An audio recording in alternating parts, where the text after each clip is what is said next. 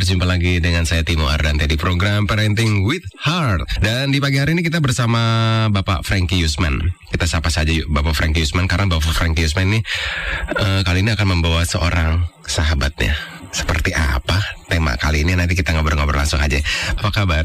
Wah baik sekali. Hari ini kita akan kedatangan tamu spesial Pak. Betul. Uh, sebuah komunitas yaitu uh, Indonesia Rare Disorder itu seperti ya seperti apa? Betul. Jadi acara kita luar biasa ya. Karena kita akan menghadirkan uh, seorang ibu yang bernama Ibu Yola Sagia. Hmm. Beliau ini adalah pendiri dari uh, IRD. IRD itu adalah Indonesia Rare Disorder, uh, satu kumpulan, satu komunitas, ya, kumpulan daripada orang-orang uh, atau pasien yang menderita kelainan langka atau penyakit langka di Indonesia penyakit langka di Indonesia. Iya, banyak. Betul. Berarti banyak kah atau uh, karena selama ini yang saya tahu cuma itu Down syndrome, keterbelakangan hanya seperti itu. Tapi ternyata di luar uh, itu lebih banyak banyak sekali. Oh. Uh, yang disebut penyakit langka itu nanti kita akan mendengarkan lebih lanjut mm -hmm. ya mm-hmm. dari Ibu Yola.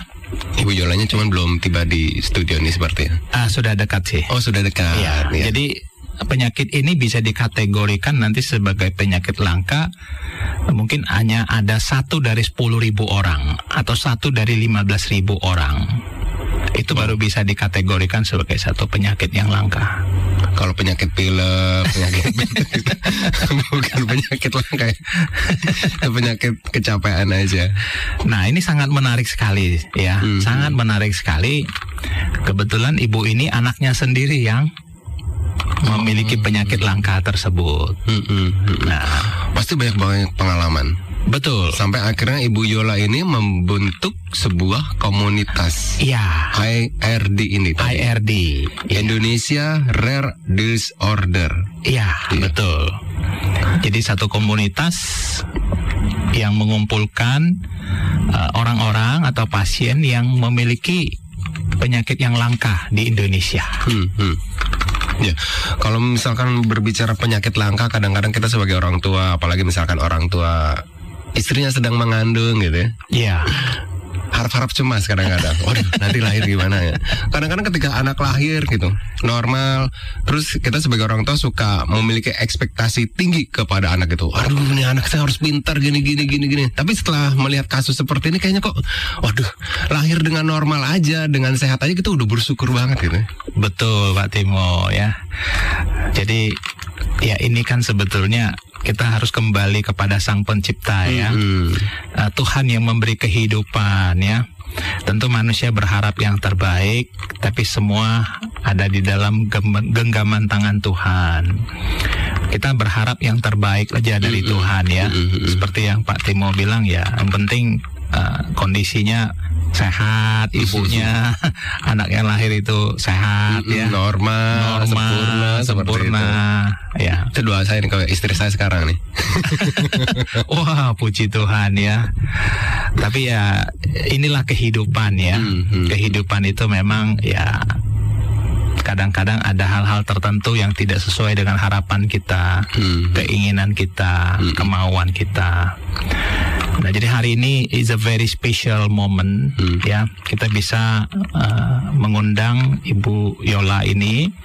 Nanti kita akan sama-sama banyak mendengar uh, kisah, kondisi, keadaan yang dihadapi oleh yang bersangkutan sebagai seorang ibu dan juga anaknya yang menderita uh, satu penyakit langka ya. Hmm. Nanti kita akan dengar apa yang disebut dengan uh, treasures Collins syndrome. Nah, nanti nanti nanti hari ini nanti nanti ya. nanti jelasnya kita akan mendengarkan dari ibu ini satu penyakit yang langka dan sharing dari dia yang sangat akan menjadi memberkati buat kita semua. Ya, baik. Dan di kesempatan kali ini kita kedatangan tamu spesial bersama Ibu Yola. Beliau adalah pendiri dari IRD atau IRD bahasa Indonesia Indonesia Rare Disorder dan beliau sudah hadir bersama putrinya dan kita sapa saja ya ya Pak Pak Frankie kita sapa saja Bu Yola ini. Iya Pak Timo terima kasih kita kedatangan uh, tamu spesial ini. uh, terima kasih Ibu Yola. Ya. Ya dan juga anaknya Odil ya. Iya betul. Iya mungkin bisa memperkenalkan diri. Ya terima kasih untuk kesempatannya. Oke. Okay. Bu Yola. Ya betul. Mm -mm. Okay. Dan juga putrinya bernama Odilia. Odilia. Panggilannya Odil. Hmm. Ya. Ya Bu Yola di kesempatan kali ini ini saya baru-baru tahu loh ternyata di Indonesia ada sebuah komunitas mm -hmm. dengan nama Indonesia Rare Disorder apa tuh? Ya, Mungkin betul. bisa diterangkan sedikit komunitas sebuah komunitas apa sih Bu?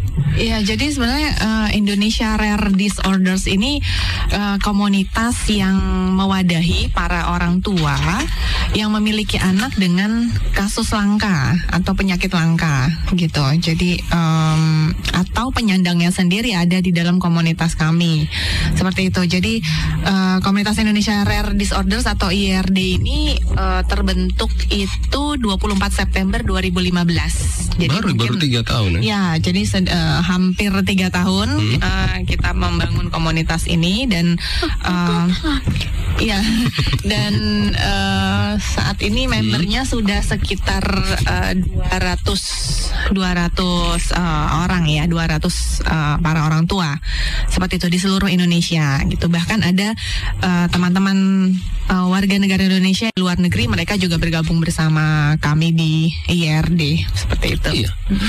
Di IRD sendiri terbentuk lahir terbentuknya tercetusnya itu kok ada ide. Nih Bu Yola sendiri maaf saat ini memiliki putri yang uh, apa nih mengidap uh, atau uh, oda langka. Kita sebut oda langka orang dengan kondisi langka Treacher Collins syndrome atau TCS jadi namanya keren banget ya sebenarnya. Iya, Treacher Collins syndrome ini gitu. Jadi memang uh, awal terbentuknya sendiri uh, sebenarnya ya itu dari dari pengalaman pribadi memiliki anak dengan kasus langka atau Treacher Collins syndrome ini um, merasa sih sebenarnya awalnya sen merasa sendirian ya gitu karena um, apa yang nggak mungkin bisa dibilang nggak ada yang bisa mengerti uh, saat itu gitu ya. Jadi di Indonesia ketika itu belum ada, belum ada komunitas seperti ini. Belum, belum ada, oh. belum ada. Jadi intinya pada saat tahu kondisi Odil ini Treacher Collins juga uh, usianya sudah enam tahun waktu itu Odil gitu. Jadi um, dikatakan sih ya melal sudah sudah melalui masa golden uh, golden age-nya itu ya gitu. Jadi uh, sangat disayangkan memang ketika uh, baru diketahui di usia-usia enam uh, tahun ini gitu lah. Kalau di, diketahui usia 6 tahun berarti selama usia satu tahun dari lahir sampai usia hmm. 6 tahun itu normal normal saja si putri. Sebenarnya sih dalam uh, tumbuh kembangnya sendiri memang ada keterlambatan gitu. Memang ada keterlambatan dan tidak melalui fase uh, ada ada fase uh, fase anak-anak uh, ini yang uh, tidak dilalui yaitu merangkak misalnya gitu. Jadi tidak melalui fase itu. Langsung berjalan. Iya, langsung berjalan dan itu pun berjalan berjalannya juga di usia 2 tahun. Jadi memang mengalami keterlambatan memang hmm. gitu. Tapi uh, pada saat itu terapi-terapi juga diikuti, terapi terapi sensor integrasi, terapi wicara gitu itu juga di, di, di dilakukan gitu. Jadi Tapi, semuanya serba terlambat terlambat jalan, kemudian terlambat bicara. Betul, betul, betul, betul. Itu yang yang akhirnya uh, kita fokus ke situ memang. Tapi kita sendiri waktu itu nggak dokter belum sadar. Dokter pun nggak tahu gitu. Ini hmm. apa gitu. Hmm. Ini hmm kenapa gitu apakah memang kurang stimulasi atau seperti atau apa hmm. atau uh, autism atau apa jadi memang saat itu um, dokter nggak tahu juga gitu. secara fisik normal ketika itu secara fisik terlihat normal hmm. bukan uh, terlihat normal dan karena kita tidak tahu ya sebenarnya kalau Treacher Collins sendiri ini memang uh, uh, atau uh, apa Oda Langka Treacher Collins ini memiliki wajah yang khas sebenarnya hmm. jadi semua anak-anak Treacher Collins mukanya seperti Odil gitu. Jadi um, sangat mirip gitu. Jadi kayak seperti anak Down, Down syndrome, syndrome, ya, ya. Hmm. sama semua gitu. Jadi kalau dijajarin kayak satu keluarga sih, mukanya mirip semua. Dan uh, biasanya anak-anak uh, Treasure Collins ini uh, uh, telinganya itu mikrosia atresia. Jadi uh, kecil, kecil ataupun tidak ada atau tertutup gitu. Nah, makanya permasalahannya ada di pendengaran. Nah, Dia ketika sadar akhirnya, oh kan ke sulit mendengarkan. Biasanya kalau misalkan kita punya putri, halo dede, kan gitu kan, Ah, suka ah, ah, seperti itu. ah, ah. Sadarnya kapan? Sebenarnya gini, dia memang eh, tadi saya sampaikan bahwa eh, apa ada eh, apa mengalami keterlambatan bicara gitu ya. Mm-mm. Nah, tapi anak-anak Richard Collins itu memiliki intelijensi normal. Jadi intinya ketika dia bicara di depan kita, dia baca bibir kita. Jadi dia bisa menangkap sebenarnya, gitu loh. Hmm. Tapi intinya bahwa Tuhan menciptakan kita eh, lima panca indera ya harus kita gunakan. Artinya kita eh, mendengar bukan melalui eh, bukan dengan mata, tapi mendengar dengan telinga gitu. Nah, Hmm. cuman karena anak-anak Treasure Collins ini memiliki intelijensi yang normal, ketika dia bicara dengan kita, dia membaca bibir kita. Tapi eh, caranya salah, harus dengan Hmm. pendengaran, bener nggak begitu kan ya? Mm-mm. Jadi ya harusnya sebenarnya yang dikoreksi adalah pendengaran waktu itu ketika eh, ketika seharusnya tahu gitu. Ketika seharusnya tahu. Iya. Kalau menurut Bu Yola sendiri, Bu Yola termasuk yang terlambat mengetahuinya kah atau? Oh jelas, saya Oh. sangat terlambat mengetahui dan eh, waktu itu kejadian memang sangat sed- akhirnya jadi sedih banget sih gitu waktu dia tahu waktu eh, tahu anak si waktu tahu Odil ini Richard Collins ini sedih banget ceritanya. Seperti apa tuh? Mas- Ya jadi waktu eh, waktu dia usia 6 tahun em, saya pergi ke dokter gitu ya. Jadi setelah udah sekian Sekian dokter ini dokter, sebenarnya. sekian runutan eh, Proses, medis, segala proses macam gitu ya. ya. yang tanpa kita akhirnya jadi kayak undiagnosed gitu ini kenapa nih anak gitu ya sampai akhirnya di usia 6 tahun saya disuruh untuk ke RSCM gitu mungkin Hmm. eh, beberapa dokter ini merasa sudah deh mungkin sudah saatnya kita ke rumah sakit besar gitu ya yang mungkin akhirnya tahu ada apa gitu jadi pada saat sampai di eh, di RSCM nah waktu itu kita ke dokter THT Nah, lagi nunggu di ruang dokter gitu, eh, dokternya keluar dan lihat anak saya, lihat Odil gitu. Hmm. Ketika lihat Odil, dokternya sih langsung nebak, dia langsung nunjuk anak saya. Ini Richard Collins, ibunya mana katanya. saya sambil bilang, "Oh, saya ibunya dok, aku bilang. Terus dia bilang, "Eh, ibu ngapain ke sini? Mau periksa dok, mau periksa pendengaran. Waktu itu memang dirujuk untuk tes Bera namanya. Eh, usia berapa anaknya? 6 tahun. Kenapa baru sekarang? Saya diomelin sama, sama dokternya. Ah, saya bilang, waduh kacau nih saya diomelin deh nih. Akhirnya saya diduluin waktu itu sama dokternya. Udah nih pasien yang ini dulu deh gitu. Akhirnya ya em, disampaikan bahwa eh, apa? Bahwa dokter ini mempunyai pasien sebelum Odil ini 10 tahun lalu. Dia bilang ini pasien saya 10 tahun lalu seperti ini Richard Collins gitu. Ini penyakit langka gitu. Setelah dicek tes pendengaran dan sebagainya um, barulah diketahui bahwa uh, Odil ini memiliki uh, apa hearing loss gitu dengan kasus yang ternyata berat gitu setelah setelah ada pemeriksaan itu gitu. Dan pada saat itu saya uh, nggak berdaya sih. Artinya eh, sedih gitu bingung mau apa dan ya udah saya cuma nang- Kesel nangis kali. kesel nangis dan saya merasa maksudnya Kayak menyesal sebenarnya. Iya dan masa ini apa-apaan sih? gitu. Nih Iya. salah saya apa? Kenapa Hmm. mesti saya ya yang menghadapi ini? gitu. Jadi pada saat itu memang saya sampai lima jam di ruang dokter.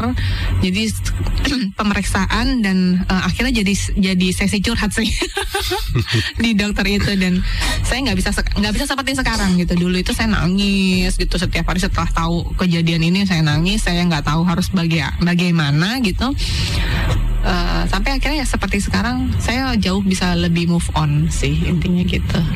Iya, Ibu tentu punya pengalaman yang luar biasa ya. Iya. Eh, mungkin pada awalnya ibu melihat ini sebagai satu kondisi yang tidak menyenangkan, Mhm. mengecewakan ya. Mhm. Mungkin Bu Yola bisa share ke kita bagaimana ibu bisa move on menghadapi kondisi anak seperti ini nih dan hmm. kesehariannya bagaimana kira-kira? Iya, iya. Jadi memang setelah uh, ke, waktu itu saya tahu, saya cari tahu dong. Biasanya orang tua bisa bisa lebih hebat dari detektif. Oh, oh. keponya keponya luar biasa. Keponya ini. Intel, intelijennya luar biasa. luar biasa. Jadi memang akhirnya setelah tahu Richard Collins saya cari informasi dan uh, sempat dokter pernah sampaikan bahwa hmm. Bu, maaf, apakah ada keluarga yang seperti ini? Nah, Jadi iya. intinya uh, bahwa penyakit langka termasuk Richard Collins adalah uh, penyakit-penyakit yang memang uh, faktor genetik itu mempengaruhi sangat gitu. Tapi uh, faktor genetik ini artinya um, bukan bukan melulu dari keturunan. Artinya uh, apa? Dari orang tua, uh, orang tua atau, atau kita punya kakek atau kita hmm. punya buyut hmm. nggak selalu seperti itu. Tapi uh, seperti kayak Tuhan main dadu gitu ya. Jadi hmm. lempar ya sudah gitu. Jadi siapa yang mau disalahkan gitu. Jadi kan gitu ya. Masalahkan Tuhan silakan berani nggak gitu. Yang salah yang di penjara bu. Nah itu dia.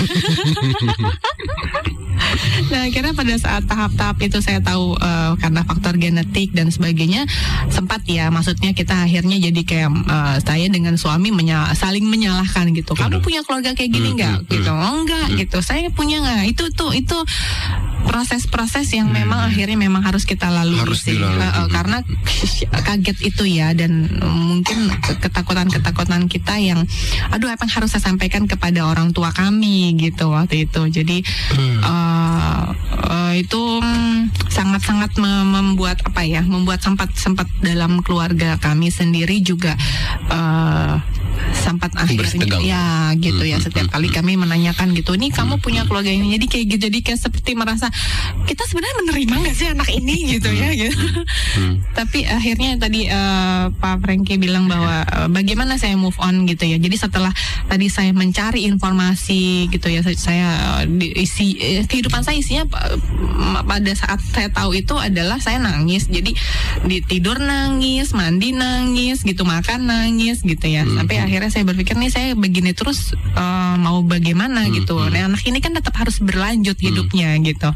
Saya akhirnya cari informasi yang banyak, terus uh, saya ikut, saya mencoba mencari eh, orang-orang uh, yang bisa support saya gitu. Artinya saya coba cari supporting group waktu itu yeah. dan di Indonesia belum ada oh. uh, akhirnya saya cari-cari ternyata ada yang di luar negeri okay. gitu uh. saya ya hmm. saya ikut di komunitas itu kita banyak sharing dan sebagainya dan ternyata mereka sangat welcome dibandingkan di uh, ya, memang kenyataannya gitu hmm. bahwa hmm, hmm. di di luar negeri itu saya waktu itu uh, apa mereka sangat support mereka uh, saya melihat kehidupan mereka yang begitu bahagia gitu ya tanpa ada rasa malu dan hmm. sebagainya nah di situ saya terbangun untuk saya berpikir iya ya buat apa saya malu gitu loh hmm. uh, Tuhan sudah memberikan kepercayaan dan saya merasa bahwa uh, kami sebagai orang tua yang ternyata memiliki anak uh, istimewa dan kami pun menjadi orang tua istimewa yang artinya ya kami menjadi orang tua yang cepat naik kelas gitu. Ya.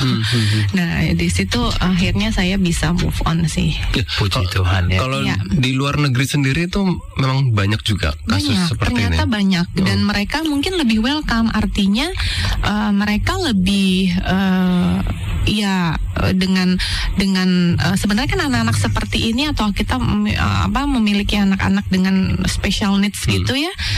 Pertama adalah sebenarnya penerimaan gitu loh. Dan di luar negeri jauh mereka lebih lebih lebih aware lebih memiliki penerimaan yang baik gitu hmm. ya. Kalau di sini mungkin uh, ya kalau lihat seperti ini ya bisa dibilang kayak ya kutukan lah gitu atau dosa masa lalu. Itu memang kenyataan gitu loh dan memang benar gitu. mitos-mitos seperti itu stigma-stigma hmm. seperti itu beredar gitu. Kalau uh, ya kalau di sana pun mungkin dari sisi medis dan sebagainya mereka juga sudah lebih aware gitu ya juga sudah lebih banyak tahu.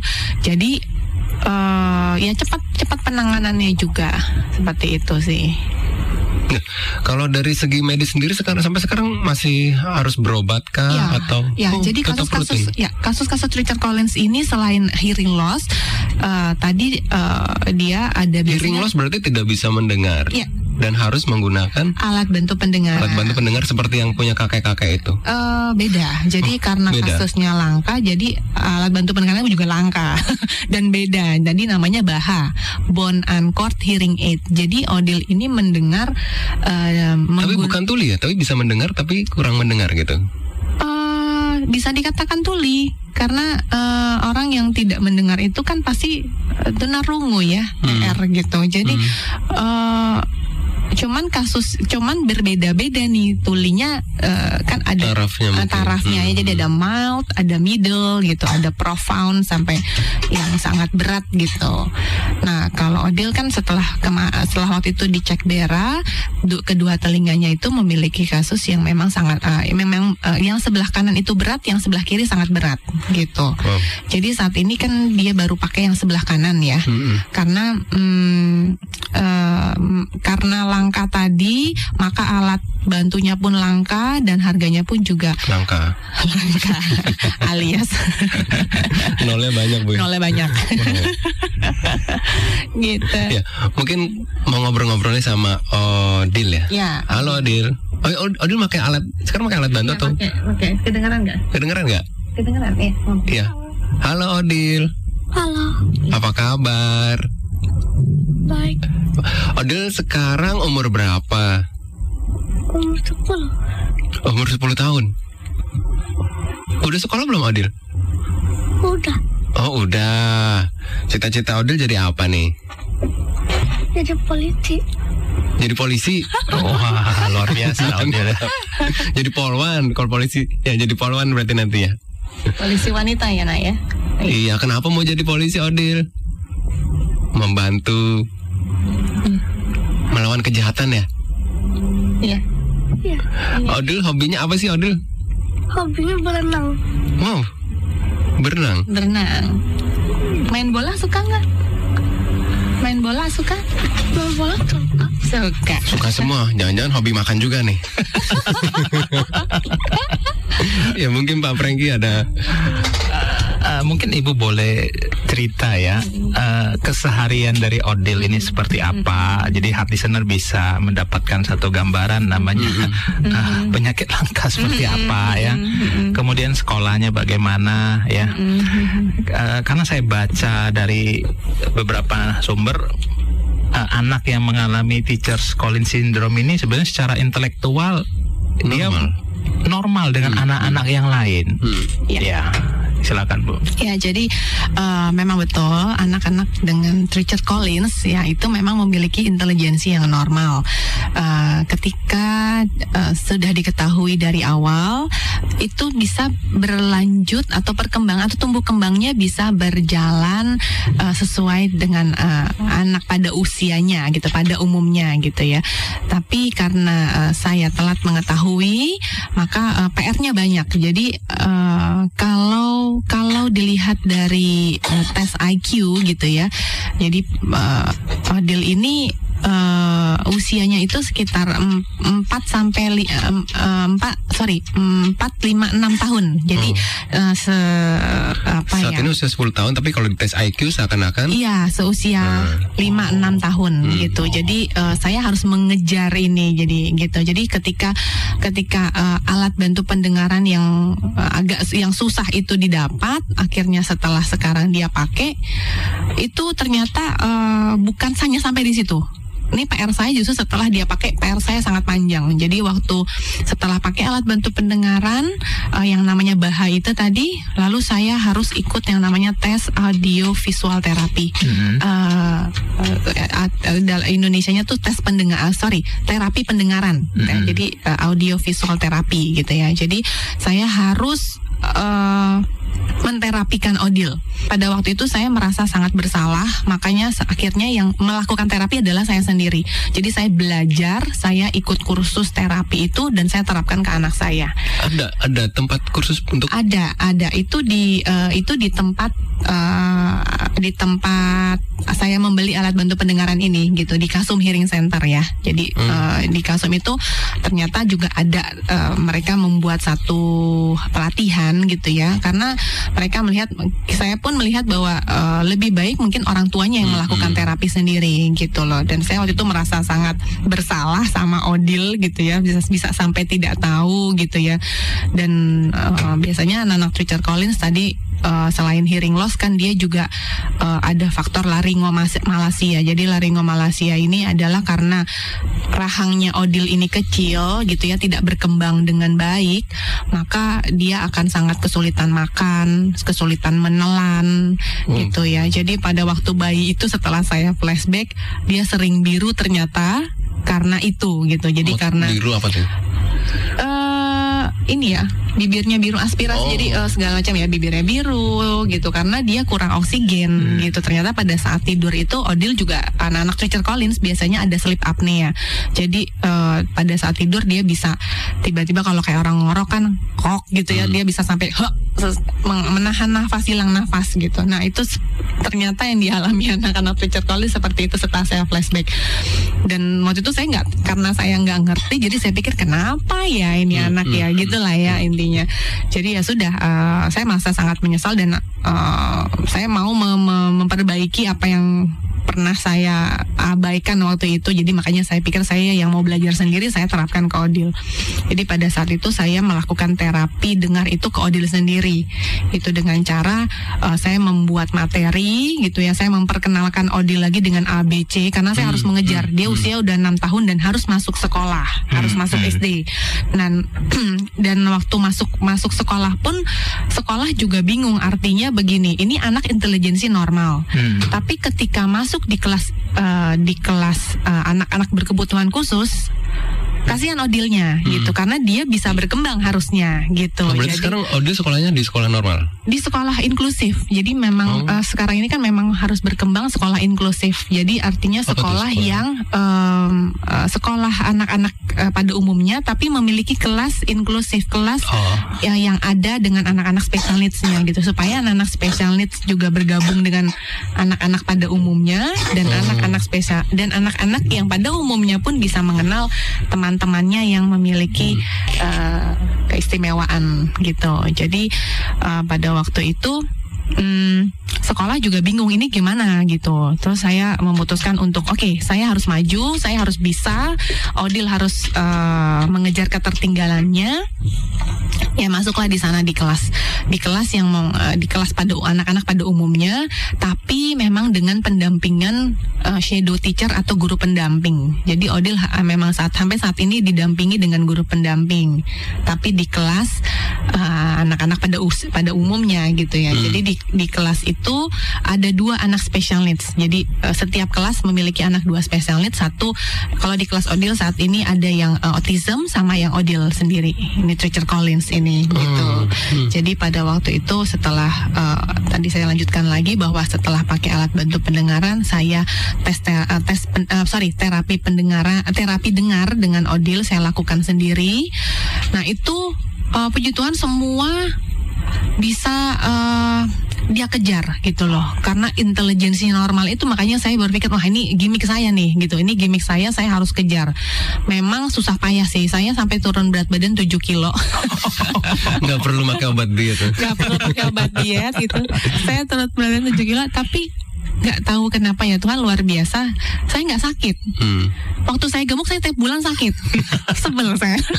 Sakit tuh pilek gitu flu gitu. tapi ke- pada saat saya mengejar ketertinggalan odil dan berat badan saya turun itu saya justru malah jarang sakit gitu. Saya happy banget ngejalaninnya gitu.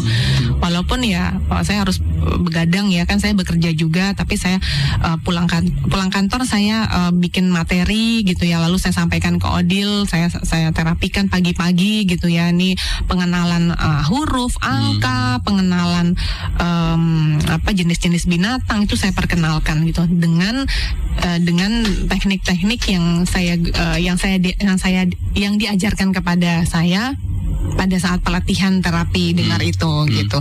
Dan puji Tuhan sampai sekarang uh, kosakatanya sudah cukup banyak gitu walaupun uh, pemahaman masih uh, kurang ya. Pemahaman seusia dia ya maksudnya. Pemahaman seusia Odil ini masih masih kurang dan saya masih harus mengejar ketertinggalan itu gitu.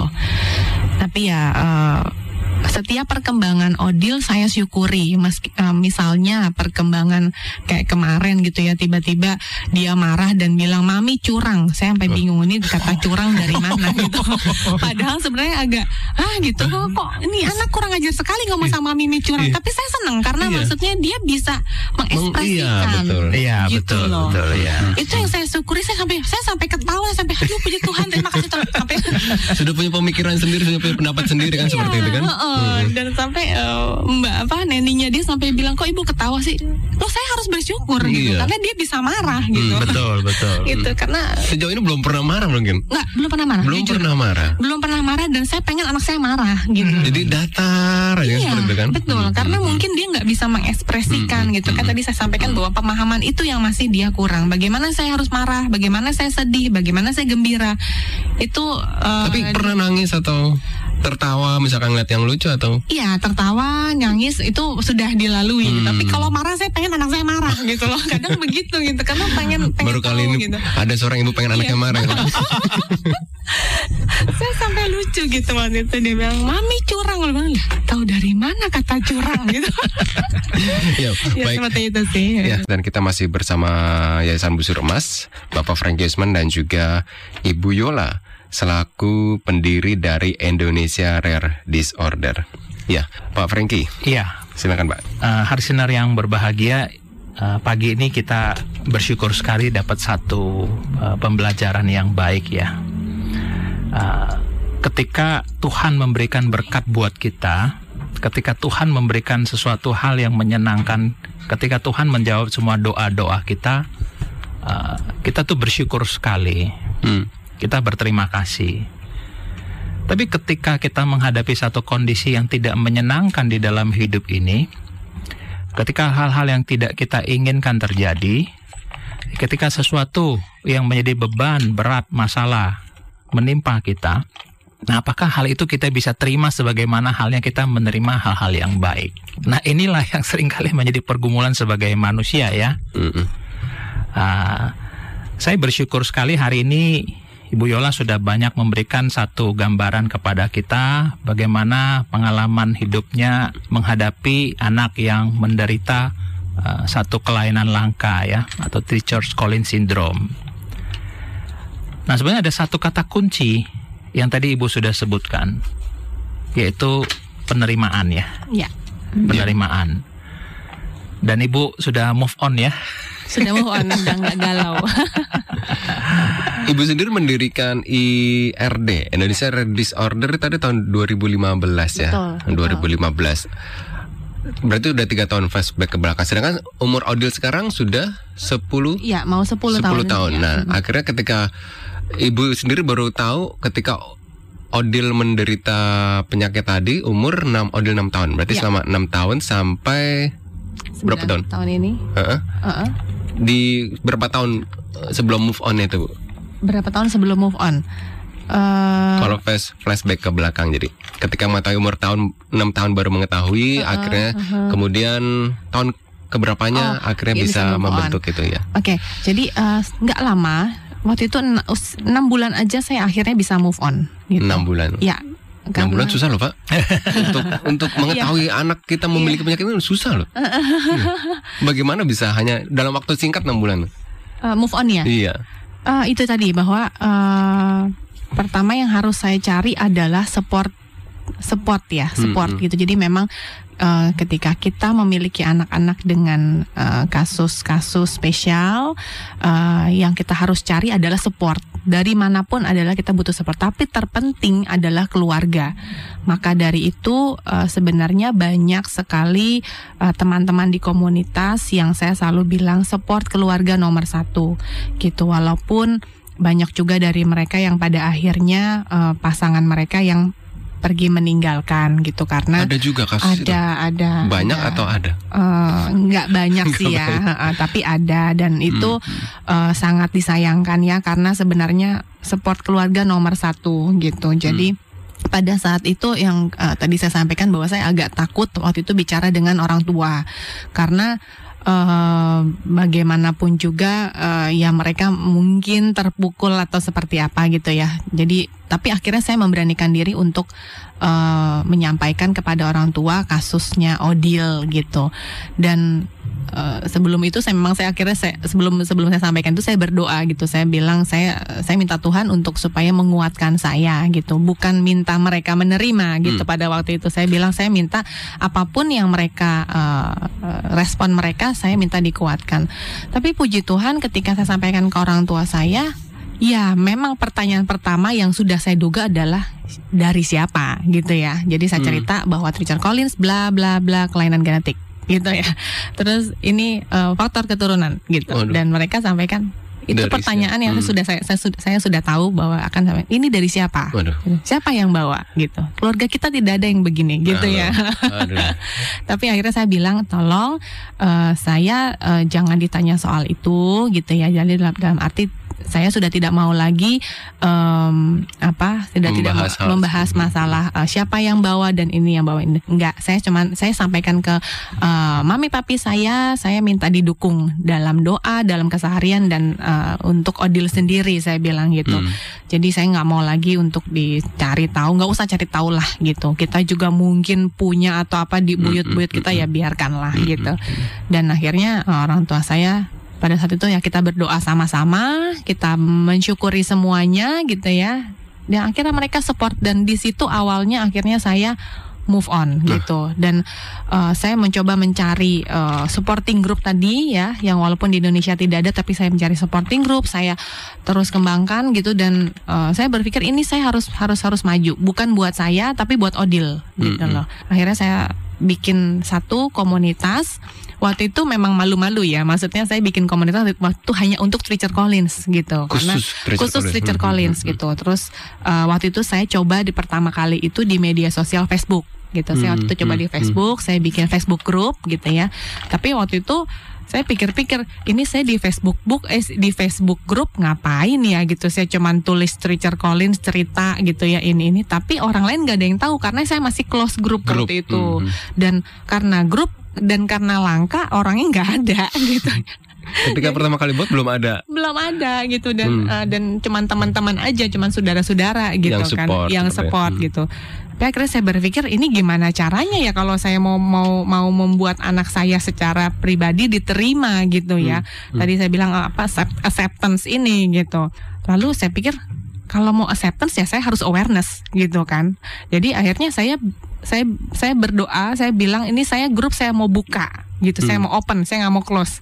Saya open saya share itu puji Tuhan semua pengen tahu juga akhirnya. Hmm, kepo hmm, kepo hmm, kepo hmm, banyak tahu. Akhirnya beberapa orang yang punya anak dengan Richard Collins mereka hubungin saya Hmm, gitu. hmm. Bu, saya punya anak kok mukanya mirip ibu, mirip anak Oh. ibu, mirip Odil. Oh ya, gitu. Terus dia share muka, oh iya bener mirip. Wah, ini satu kayak satu keluarga jadi jajaran. Kalau dijajar mukanya mirip semua gitu. jadi ya sudah, akhirnya dari situ eh, saya ketemu lagi dengan eh, satu orang tua yang memiliki anak dengan kasus langka juga. Tapi gitu. beda kasus. Beda, Hmm. Pierre Robin syndrome. Nah, itu keren lagi Aduh. namanya. Namanya PRS. keren-keren ya. Biasanya dia namanya dari nama Itu- penemu. Oh, nah, Nama itu nama penemu. Nama penemu Hmm, hmm. biasanya. Dan kebanyakan yang ditemukan di luar, berarti di luar di negeri luar, sana. di luar negeri gitu. Hmm. Jadi ada PRS, Pierre Robin syndrome. Nah, saya ketemu dengan satu uh, ibu ini, kita sharing, ngobrol. Saya ketemu lagi satu lagi dengan bapak-bapak ini. Anaknya uh, Cornelia de Down syndrome. Perempuan berarti yang menemukan. Kayaknya perempuan itu. CDLS. Nah, Hmm, akhirnya hmm. kita di situ berdua kita ngobrol, kita asik gitu ya. Akhirnya kita bilang, saya bilang, ayo kita eh apa kita bikin grup yang lebih besar gitu ya. Akhirnya Ah. kita buatlah eh, IRD Indonesia Rare Disorders lebih terbuka dan dalam waktu singkat eh, member kita sudah sangat banyak gitu. Dan sudah tiga tahun ini udah sekitar 2000 3000 eh, member. Tapi memang bukan eh, memang bukan eh, Yang menderita yang atau- menderita. Hmm. tapi mereka sangat eh, antusias Mhm. aware gitu ya pengen tahu. Ya kita seneng banget gitu. Ya sudah akhirnya sekarang member kita sudah 200-an yang memang punya anak dengan kasus langka ataupun ada langkanya sendiri karena ada yang dewasa juga jadi Ada yang eh, dewasa juga. iya ada yang Richard Collins itu ada ada tiga orang yang dewasa Usia berapa tuh? satu usia 43 tahun Wow. Oh, satu usia 30 36 atau berapa ya saya lupa gitu Mungkin Pokoknya- juga harus banyak belajar dengan orang tua si itu tadi ya. Oh justru Sampai usia malah, justru 40. malah orang tua orang tua mereka malah nggak tahu gitu loh. oh. Jadi lucunya mereka nggak tahu taunya dari anaknya yang sudah gabung dengan kita gitu. Ada yang masih sampai sekarang masih belum bisa terima gitu. Setelah 40 orang tuanya tahun itu kemudian. setelah sekian tahun kemudian gitu. Jadi anaknya sudah bisa welcome, sudah bisa mereka sudah pede, tapi orang tuanya yang akhirnya merasa eh saya nggak mau anak saya dibilang teacher college ya sudah nggak apa-apa gitu ya tidak apa-apa gitu. Nah sebaiknya kalau sebagai orang tua, Mm-mm. kalau dari segi dari dari menurut ibu sendiri Mm-mm. pengalaman, ketika tadi ada orang tua, saya tidak terima anak Mm. saya seperti ini. Mm-mm. Nah itu seharusnya harusnya kah menerimakah atau Eh, di komunitas kita kebanyakan awal masuk itu awal jadi member kita isinya marah. Oh. Hmm. di grup WhatsApp itu marah. Wah begini begini. Saya diamin aja. Biarin aja dulu dia marah terhadap kehidupan kehidupan dia kehidupan pemerintah. Ina inu Ah, ina ah, inu ah. gitu ya. Dia Hmm. cerita ini. Saya diamin dulu sih biasanya oke. Meluapkan kemarahan lah Iya, setelah saya- bertahun-tahun. betul. Akhirnya ada tempat untuk Be- tempat untuk curhat untuk marah-marah gitu ya nyalain pemerintah dan sebagainya Hmm, hmm, gini-gini terus akhirnya saya bilang kalau ibu mau anaknya jauh lebih baik ya ibu harus jauh lebih baik aku bilang Hmm, jadi yang disembuhin dulu ya sebenarnya ibu ibu gitu. orang tuanya. orang tuanya Hmm, dulu betul, betul. minta anaknya disembuhin ya orang tua belum sembuh gimana gitu kan hmm, hmm, hmm. Jadi saya eh, saya sampaikan itu dan setelah itu mulai mereka bisa eh, bisa apa Menerima ya, bisa mungkin ya. menerima mereka mulai lebih wise gitu ya tampil di depan umum dengan senyuman yang luar biasa membawa anaknya yang kepalanya mungkin cuma tinggal setengah gitu. Terus mungkin yang eh, apa tangannya cuma tiga gitu jarinya gitu ya. Dan mereka tampil dengan sangat luar biasa setelah setelah bergabung bersama IRD karena mereka merasa bahwa inilah kekuatan dan justru anak-anak kita inilah adalah kekuatan kita Hmm. gitu. Hmm, gitu karena dibalik eh, kekurangan yang mereka miliki mereka punya keistimewaan. Dan sekali lagi saya sampaikan bahwa eh, banyak yang bilang terus ini bisa sembuh nggak eh, Bu Yola? Terus gimana anaknya? Saya bilang anak-anak dengan kelainan langka yang 80% kasusnya faktor genetik kita tidak bicara sembuh tapi kita optimalkan tumbuh kembang mereka. Itu gimmicknya optimalkan. Iya, jadi artinya dia bisa dia yang awalnya sampai usia d- 10 tahun nggak bisa makan masih pakai NGT di hidung akhirnya bisa dilepas itu luar biasa. Dia bisa makan pakai mulut. Itu Oh, luar biasa. Itu yang harus kita applause sih menurutku. Jadi tadi aku bilang optimalisasi mereka gitu. Secara admi, secara akademis mereka tidak bisa belajar tumbuhkan eh, kreativitas lainnya. Mereka bisa main bola, mereka bisa bernyanyi, mereka bisa main alat musik. hmm. Go for it gitu. Pak Franky gimana Pak Franky nih? Menyikapi saya- saya kira, dengan uh, contoh kasus Ibu Yola ini. Ya ini listener yang berbahagia. eh, kita percaya bahwa memang hidup ini tidak selamanya seperti yang kita harapkan ya. Jadi kadang-kadang ada satu dua hal yang datang dalam kehidupan kita membuat kita merasa tidak nyaman. Eh, seperti tadi disampaikan, saya pikir yang pertama memang eh, harus siapkan hati untuk menerima kondisi yang ada. Dan yang kedua, sebenarnya kata kuncinya adalah eh, bersyukur. Bersyukur ini punya pengertian yang luas tadi. Ibu Yola sudah sampaikan eh, sampai satu step apakah orang tua bangga punya anak seperti itu. Ini big Susah. question ya. Iya, susah Ah, tuh. Kalau anak kita ranking juara, pinter, dapat Hmm, piala, hmm. kita bangga luar Hmm, biasa. Bangga luar biasa betul. Tapi ketika Tuhan anugerahkan anak ini dalam kondisi mengalami penyakit langka, apakah kita punya satu kebanggaan yang luar Hmm. biasa? Hmm, Ini pun karya Tuhan yang unik. hmm. It's a special di hadapan Tuhan. Istimewa. Nah, jadi sikap kita sebagai keluarga, sebagai orang tua, yang pertama tadi penerimaan, kedua kita bisa bersyukur, dan saya mau katakan yang ketiga kita harus memiliki hati yang optimis, Hmm. hati yang optimis, ya. Iya. Bagaimana hati yang optimis bahwa eh, apa yang Tuhan titipkan di dalam keluarga kita itu sebetulnya satu anugerah loh. Kita Hmm. harus menganggap ini sebagai satu hal yang anugerah yang Tuhan berikan dan kita siapkan hati, kita percaya bahwa anak ini akan terus dibentuk, terus diproses ya. Mhm. Dia akan terus mengalami progres yang tadi Bu Yola sampaikan, tumbuh kembangnya kalau bisa semakin hari semakin baik. Hmm. Itu sudah hal yang luar biasa. Iya.